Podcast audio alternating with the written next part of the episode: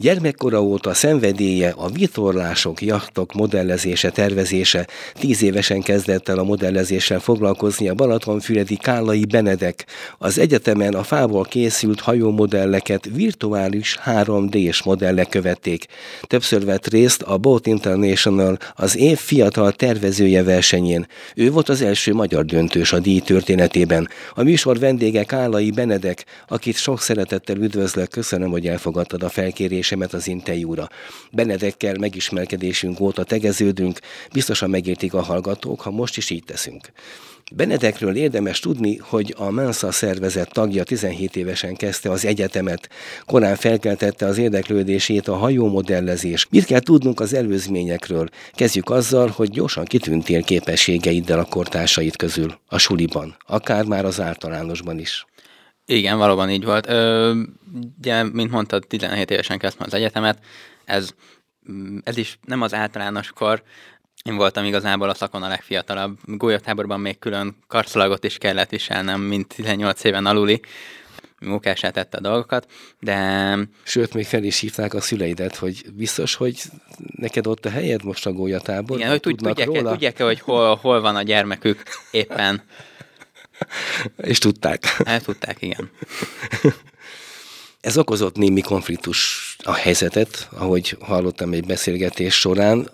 Nem biztos, hogy mindenki szívesen fogadja, hogyha ennyivel előre jár egy, egy évfolyamtársa. Ez általánosban is hát, már előjött, vagy később? In, inkább ott. Tehát általánosban, középiskolában jelent ez, ez inkább problémát. Egyetemen igazából, mert én teljesen jelentéktelen volt, de így utólag visszanézve, meg hát nyilván ezt akkor is hallottam, hogy 12 éves és egy 13 éves, 13 éves és egy 14 éves között nem csak egy év, hanem egy egész világ is van igazából, tehát akkor annyira mások ezek a dolgok, és ugye az én esetemben az osztálytársaimmal nem is egy év, hanem inkább másfél vagy kettő volt, az meg hát tényleg eléggé abszurd abban a korban, és nem, hát akkor nem, nem találtam meg az osztálytársaimmal a hangot. Nem könnyű helyzet, az biztos. Hallottam róla, hogy tíz évesen kezdtél bele egy vállalkozásba. Igen, ez is egy ez, érdekes történet. Ez is egy érdekes történet. Igen, tíz évesen volt az első saját vállalkozásom.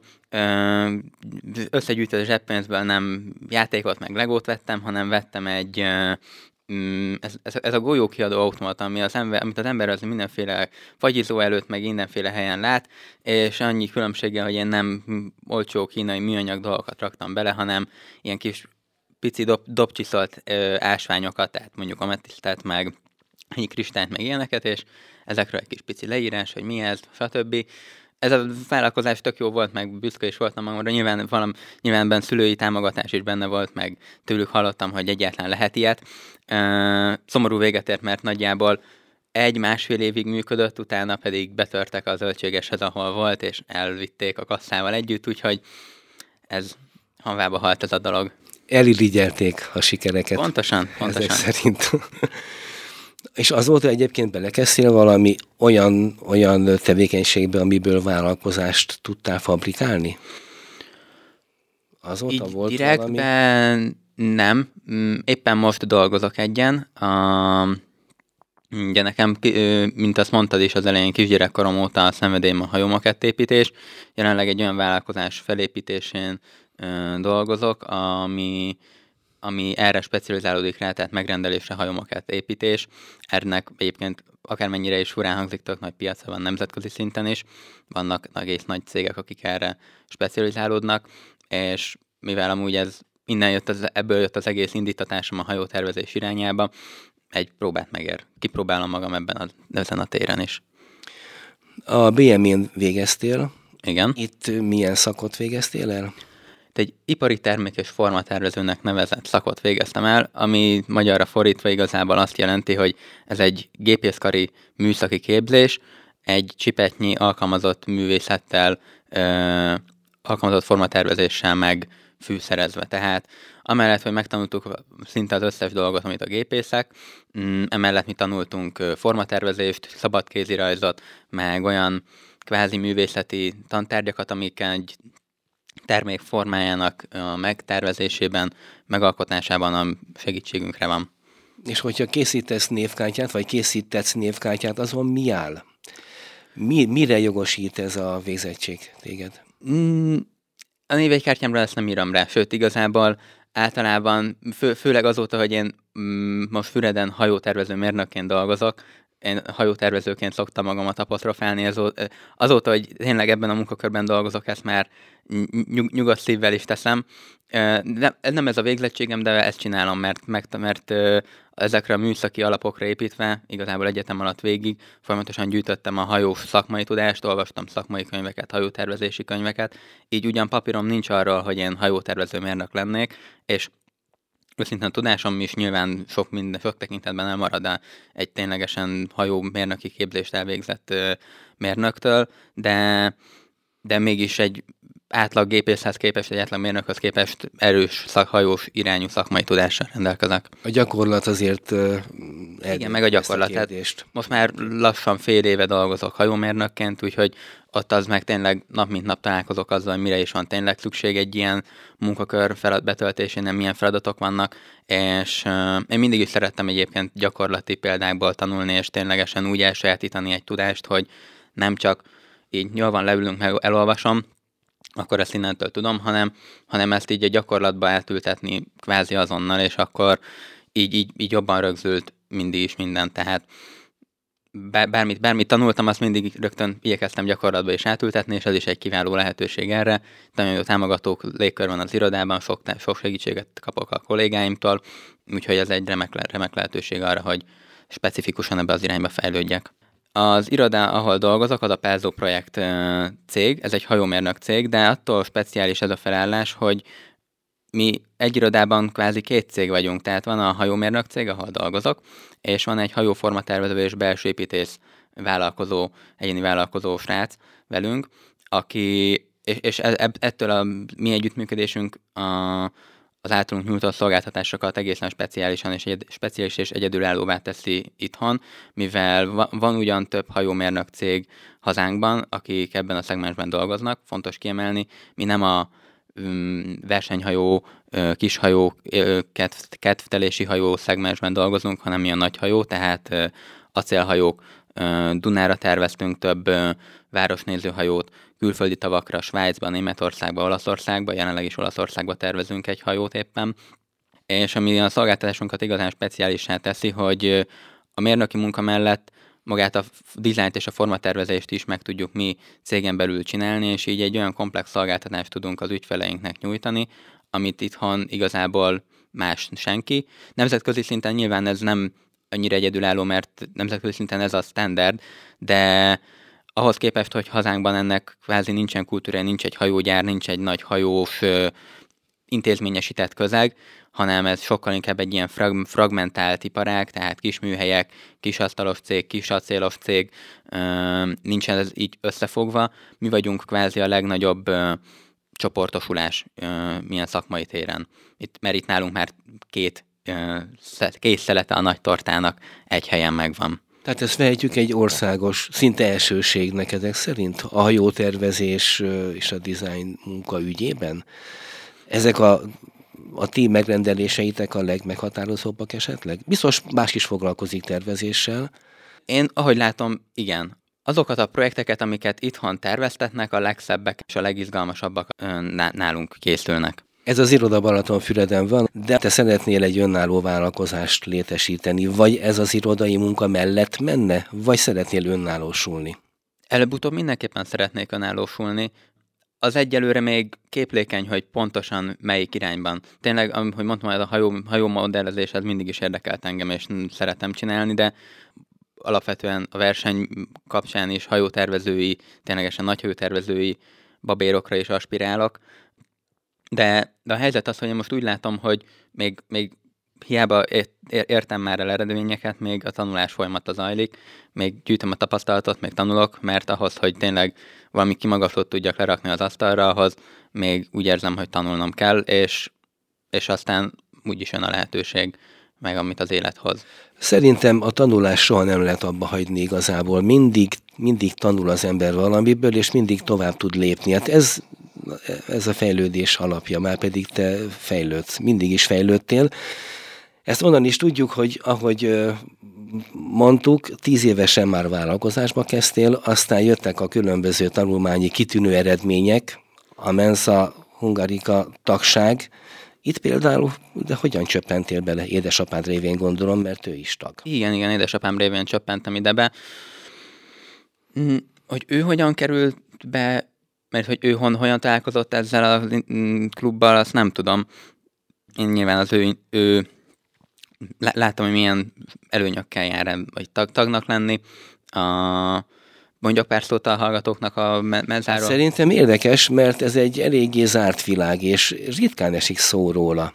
A Menza alapvetően egy olyan nemzetközi szervezet, aminek a célja az, hogy a, az intelligens embereket összefogja, és kvázi egy olyan segítő, egymás segítő közösséget hozzon létre, ahol a hasonló, valamilyen szempontból hasonló emberek egymást segítik. Ugye ezt Mm, ezt pont IQ-hoz kötötték, mivel ez volt, ez tűnt akkor a legkézenfekvőbb dolognak, hogy ez, ez lehet mérni, ez alapján kvázi be lehet lőni egy adott embernek a mm, nívóját, még akkor is, hogyha a gyakorlatban ez mm, néha, néha úgy néz ki, hogy, nem, hogy, hogy, hogy kontraproduktív válogatást eredményez, de összességében a lényeg a lényeg, hogy ez egy tökre segítő és egymás, egy egymás segítő közösség jön létre, szerveznek programokat, vannak, olyan, vannak helyek, ahol menzások egymásnak kedvezményeket adnak, meg, mm, meg így, így, tényleg egy olyan, olyan közösség, ami, a, ami így egymás segíti. El szabad árulni, hogy neked mekkora az IQ mutatód? Igen, el lehet, de Ennek alapvetően az, az, az IQ-ról azt fontos tudni, hogy ez alapvetően nem egy objekt, tehát ha, valaki nem mondjuk 130-as vagy 140-es az iq az nem olyan, mint hogyha valaki 130 vagy 140 kg, hogy az objektíven megmérhető, hanem ez, attól, ez egy arány lényegében, tehát a század az átlag, és attól függ, hogy milyen skálázással dolgozik az adott teszt. Simán lehet, hogy egy olyan ember, aki az egyik IQ teszten 200 pontot ér el, mert annak olyan volt a skálázása, az egy másikon mondjuk csak 136, pedig ugyanarról az emberről beszélünk, ugyanolyan okos, ugyanannyira intelligens, és azt is fontos megjegyezni, hogy ezek alapvetően olyan, mm, ezek ilyen kvázi probléma megoldó képességet mérő iq amivel a Mensa dolgozik, ami nem, nem lexikális tudás, vagy ilyesmit kér számon, hanem ténylegesen, hogy mennyire tud adaptívan alkalmazkodni egy-egy probléma megoldásához, és én ebben a tesztben, amikor 17 évesen meg, megírtam, akkor az jött ki, hogy 135 fölötti. E, ez is fontos hozzátenni, hogy ezek a tesztek, ezek tóliktól mérnek, tehát 135 plusz az azt jelenti, hogy lehet, hogy 136, de az is lehet, hogy 140, de mert, mert az, az a felső rész, az már kvázi a Gauss görbének a felső egy százaléka, és azon belül már igazából fölösleges tovább diversifikálni. Tehát, hogy arra már annyira speciális, csak erre a felső-felső rétegre kis fejlesztett tesztek kellenének, hogy annak igazából már nincs jelentősége. Nagyon érdekes csapat lehet, az biztos. És milyen sűrűn találkoztak? Aktív vagy ebben a szervezetben? Hát, igazából nem. Uh, elég, a helyzet elég az, volt hogy, bekerülni. a, a, a helyzet az, hogy azért nem vagyok aktív, mert uh, ugye amíg egyetemre jártam Budapesten, addig főleg Covid volt, tehát amúgy sem éltem nagyon közösségi életet, nem, nem érte el a, a kvázi az esemény horizontomat az, hogy ilyen programokra járjak. Azóta meg, hogy Füreden vagyok, azóta meg nem járok fel aktívan Veszprémbe a programokra. Megtehetném egyébként, mert jó programokat szerveznek, de de például egyébként pont a Mm, most, hogy a felvételt készítjük ehhez képest tegnap, tehát csütörtök este a Menza szervezésében volt egy előadásom a Veszprémi könyvtárban, szintén jaktervezés, a jaktervezés világába címmel. Ilyen mindenféle izgalmas színást hoztam ebben az izgalmas világból az érdeklődőknek. Sikerrel, ahogy hallottam. Igen, igen, összességében jól sikerült. Térjünk vissza a jakt, a hajó tervezéshez már gyerkőc korodban elkezdted ezt a munkát, aztán egyre finomodott, és most már ugye ez komoly nemzetközi verseny, amiről beszélgettünk, és döntős lehettél, ha nem is nyerted meg, de ott voltál a legjobbak között. Az egész hogy indult? Az egész úgy indult, a maga a verseny az úgy indult, hogy mm, azon gondolkoztam, nagyjából, ha jól emlékszem, 2020 telén, hogy, hogy én hogyan leszek egy ma- magyarként híres hajótervező, és jött az ötlet, hogy megnézem, hogy mások hogyan lettek híres hajótervezők, és elkezdtem, ta- találtam a Boat International online magazinjában egy cikket, ami összegyűjtötte az évszázad legjobb top, top 50 hajótervezőjét. Nyilván ez még picit előre mutató, hogy 2010-es években az évszázad legjobb hajótervezőiről beszélni, de ők bevállalták. Lényeg a lényeg, hogy eznek az 50 embernek kezdtem el szépen kigyűjteni az önéletrajzát, mindenkinek utána néztem, hogy hol, hol tanult, mit csinált, hogyan érte el azokat az eredményeket, amiket elért, és hogy ezekből mennyit, hogy hogyan és mit tudnék én is adoptálni az én karrieremben. És, és az egyik híres hajótervezőnek az önéletrajzában láttam, hogy zsűri volt ö, egy fiatal hajótervezőknek kiírt versenyen. Hoppá, hát akkor van ilyen, hogy fiatal hajótervezőknek kiírt verseny. Gyorsan megkerestem, és, és tényleg volt. Sajnos az abban az évben már nem tudtam indulni, mert nagyjából egy hét volt akkor a pályamunka leadásáig, Ö, és nyilván ez azért nem egy olyan projekt, amit egy hét alatt össze lehet dobni minden előzetes felkészülés nélkül, de következő évben nem haboztam, és rögtön és indultam. Az volt az első ö, próbálkozásom a versenyen. Alapvetően ott, ott díjazott nem lettem, tehát ott nem jutottam be a döntőbe, de a, a, a verseny nívóságát mutatja azért, hogy ennek ellenére egy kétoldalas mm, dokumentumon összefoglalták, hogy mi volt jó a dizájnomban, mi volt rossz, mit lehetne még fejleszteni, és hogy mit javasolnak, hogyha közelebb indulok, akkor mindenne érdemes csiszolni, tehát nem csak annyit kiértesítettek, hogy soha nem nyert, ö, hanem tényleg rászánták az időt, és kiértesítettek mindenkit, vagy aki kérte, hogy kapjon visszajelzést, hogy hogyan tudna fejlődni, úgyhogy ezeket a tanácsokat én megfogadtam, beépítettem a következő évi munkámba, ami meg már bejutott a nemzetközileg a legjobb hat közé, a hat döntőst hirdetnek minden évben. Mm. Alapvetően, hogy ez a hat döntőshez mennyi, mm, az összeshez képest mennyi, Ö, általában ilyen 40 kötőjel 50 pályamunkát szoktak leadni, tehát tényleg ezek azok, amik el is készülnek, és le is adják őket. Ö, nyilván ennél sokkal többen regisztrálnak, akik hú, hát nem tudtam befejezni, nem adom le, vagy elfelejtették, vagy bármi ilyesmi. De ebből a 45, 40 kötőjel 50-ből ö, lett az enyém a nemzetközileg a legjobb hat közé beválasztva. A többiek mind menő olasz designer iskolákból jöttek, meg ö, egyéb európai nagyobb hajós múlttal és hajótervező múlttal rendelkező országokból, szóval ezt igazából egy nagy elismerésnek éltem meg, hogy egy tengerrel nem rendelkező, alapvetően hajódizájnos tudása, előképzettséggel, hivatalos előképzettséggel nem rendelkezve is ilyen mm, felhozatalba bekerültem. Valóban nagy szó. Továbbra is Kálai Benedek, jacht, hajótervező, hajódesigner a műsor vendége. Egy kicsit beszélgessünk erről a Boat Internationalről. Mit akartak itt elérni, mit akartak meglátni, mit díjaztak, és te mivel tudtál sikeres lenni? Mert erről még nem sok szó esett, hogy hogy néz ki a te terved, a te a ja, Igen. Alapvetően ez a verseny ez olyan szempontból egy nagyon jól összerakott verseny, hogy nem azt díjaz, nem, nem az a feladat, hogy művészkedjen mindenki valamit, amit jónak gondol, mert nyilván az nem lenne egy akkora nagy kunst, mert szép hajót, akinek vannak ötletei, tud rajzolni, de nem ettől lesz valami egy jó, ténylegesen egy jó dizájn, itt egy olyan szinte való, egy valós megrendülői szituációt szimulálnak a versenyzőknek, mégpedig úgy, hogy minden évben van egy fiktív megrendelő. Erről a fiktív megrendelőről a versenykírásból csomó mindent megtudhatnak az indulók, hogy mire szeretné használni a hajóját, milyen ember is ő, milyen múltja van, milyen preferenciái vannak. Az idei, ahol döntős lettem, ott uh, speciál pont egy uh, befutott divattervező hölgynek kellett egy olyan jachtot tervezni, ami alkalmas arra, hogy ő ezen divatbemutatókat tartson, tehát van hozzá megfelelő kifutó, meg leülőhelyek, infrastruktúra.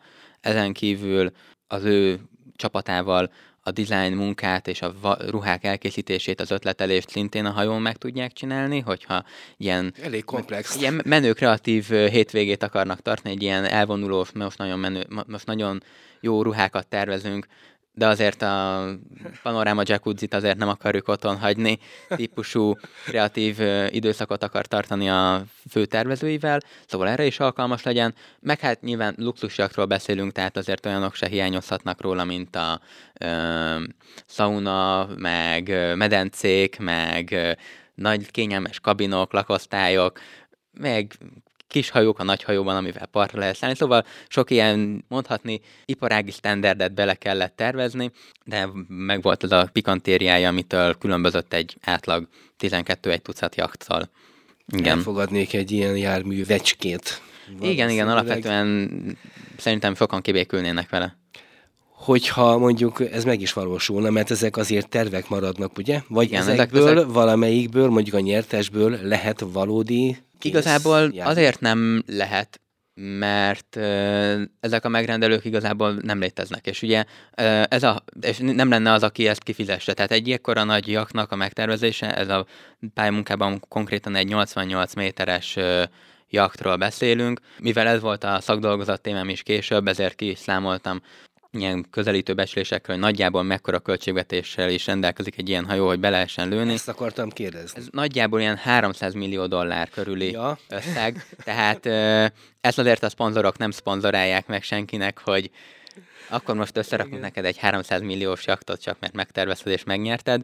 Ezek jelenleg koncepciók maradnak, ha csak nem valami tényleg hajótervezőnek vagy megrendelőnek megtetszik az ötlet, és valamit inspirálódik belőle. Igen, ezek a versenyek valóban nem arra valók, hogy gyakorlati, úgymond gyakorlati, konkrét, rögtöni hasznot hozzanak, hanem a tervezők elméjét egy kicsit frissen tartják, új ötletek jöhetnek. Például a te tervedben volt-e olyan, ami abszolút megkülönböztetett téged a többiektől? Volt-e olyan újdonság, valami teljesen egyedi elképzelés? Én úgy gondolom, hogy volt. Nyilván mostanában nagyon fontos a jaktozásban is, mint minden máshol az, hogy legyen minden zöld, meg fenntartható. Ez a versenykírásban is benne volt, hogy amennyire csak lehet, legyenek megújuló energiaforrások a fedélzeten, meg hasonlók. Éppen ezért én, de persze mindezt úgy, hogy a, a hajónak a luxus esztétikumát azt nem rontják, tehát nem lehet hatalmas nagy szélturbinákat felpakolni rá, mert az hatékony. Én viszont mégis fel tudtam rakni rá szélturbinákat az Orban, bizonyos, nem tudom, hogy a hallgatók ismerik-e, hanem utána, ha utána olvashatnak, Darius típusú szélturbinákat. Ezek picit elrendezésükben és formájukban különböznek a hagyományos szélmalom formájúaktól, amiket láthatunk a vidéken. Ezek olyan, olyan szélturbinák voltak, amik behajthatóak a hajótestbe. Tehát amikor energiát, energiát kell termelni velük, akkor kihajthatóak, akkor forognak, nyilván akkor valamelyest az összhatást rontják, de hogyha rendezvény van, és tényleg az elegáns megjelenése fontos, akkor pedig szinte teljesen eltüntethetőek, és nem, nem látszódnak. És nem, ez, ez nyilván mint egy koncepció valósult meg eddig, nem számoltam ki, hogy ez tényleg műszakilag így ebben a formában megvalósítható el, lehet, hogy kicsit az kifi irányába mentem el, de minden esetre a zsűrinek tetszett, és, és azt mondták, hogy ez egy, ez egy jó ötlet volt, vagy legalábbis egy egyedi ötlet volt. A megvalósítás meg pénzkérdése igazából, de mivel ebben a, ebben, ezen a területen a pénzből pont nincsen hiány, ezért, hogyha valakinek megtetszik, szerintem meg tudják oldani. Hát reméljük, hogy jön ilyes, ilyesfajta megrendelés, amikor már önálló vállalkozást építettél, mert ezen fáradozol, ugye? Most az, az iroda, a munkahelyed, de hogyan tervezed, hogyan látod a jövődet, hogyan tudsz tovább lépni, és önálló, önálló vállalkozást alakítani? És azt gondolom, ezen a szakterületen működne. Igen, tehát mindenképpen, mindenképpen. Mekkora az esély erre? Ez egy jó kérdés. Alapvetően ez az egész azon múlik, hogy az ember mennyire tudja eladni az ötleteit. Tehát nem abból lesz a legjobb befutott hajótervező, akinek a legnagyobb művészi elgondolásai vannak, hanem az, aki tényleg talál valakit, aki megbízik benne annyira, hogy egy ilyen költségvetési projektet a ő kezébe adjon. Egy példát tudok hozni, az az olasz stúdiónak az alapítói, akiknél tavasszal voltam kint gyakornoki programon, ők például frissen végzett egyetemistáként úgy kezdték a projekt, a, a hajótervezői karrierjüket, hogy egy genovai bótsón elhitették az egyik hajógyári tulajjal, hogy ők profi hajótervezők, hogy ők nekik már a nagyszüléknek is volt jaktja, és hogy azon nevelkedtek, pedig soha életében nem terveztek még hajót. És ö, olyan jól sikerült, hogy utána még ezt a kis blöfföt is elnézték nekik, és az viszont olyan tényleg ügyesek voltak, tehát nem csak simán nagyzoltak, hanem volt is mire, és bejött, és utána, az, e, miután az embernek megvan az első megrendelése, utána már a második nem annyira nehéz. Tehát ebbe az egész világban, mivel egy zárt világ, mindenki védi a pozícióit, bekerülni nehéz, az első belépési pontot megtalálni nehéz, mert utána már, ha az embernek van referenciája, akkor már így beljebb dolgozni magát, az csak kitartó munka kérdése. A bekerülés meg valahol csúnya szóval éve szerencse, de de nyilván ezt a szerencsét is elő lehet mozdítani ezzel azzal. És jelenleg ezen dolgozok, hogy mm, építem a kapcsolatokat a szakmában.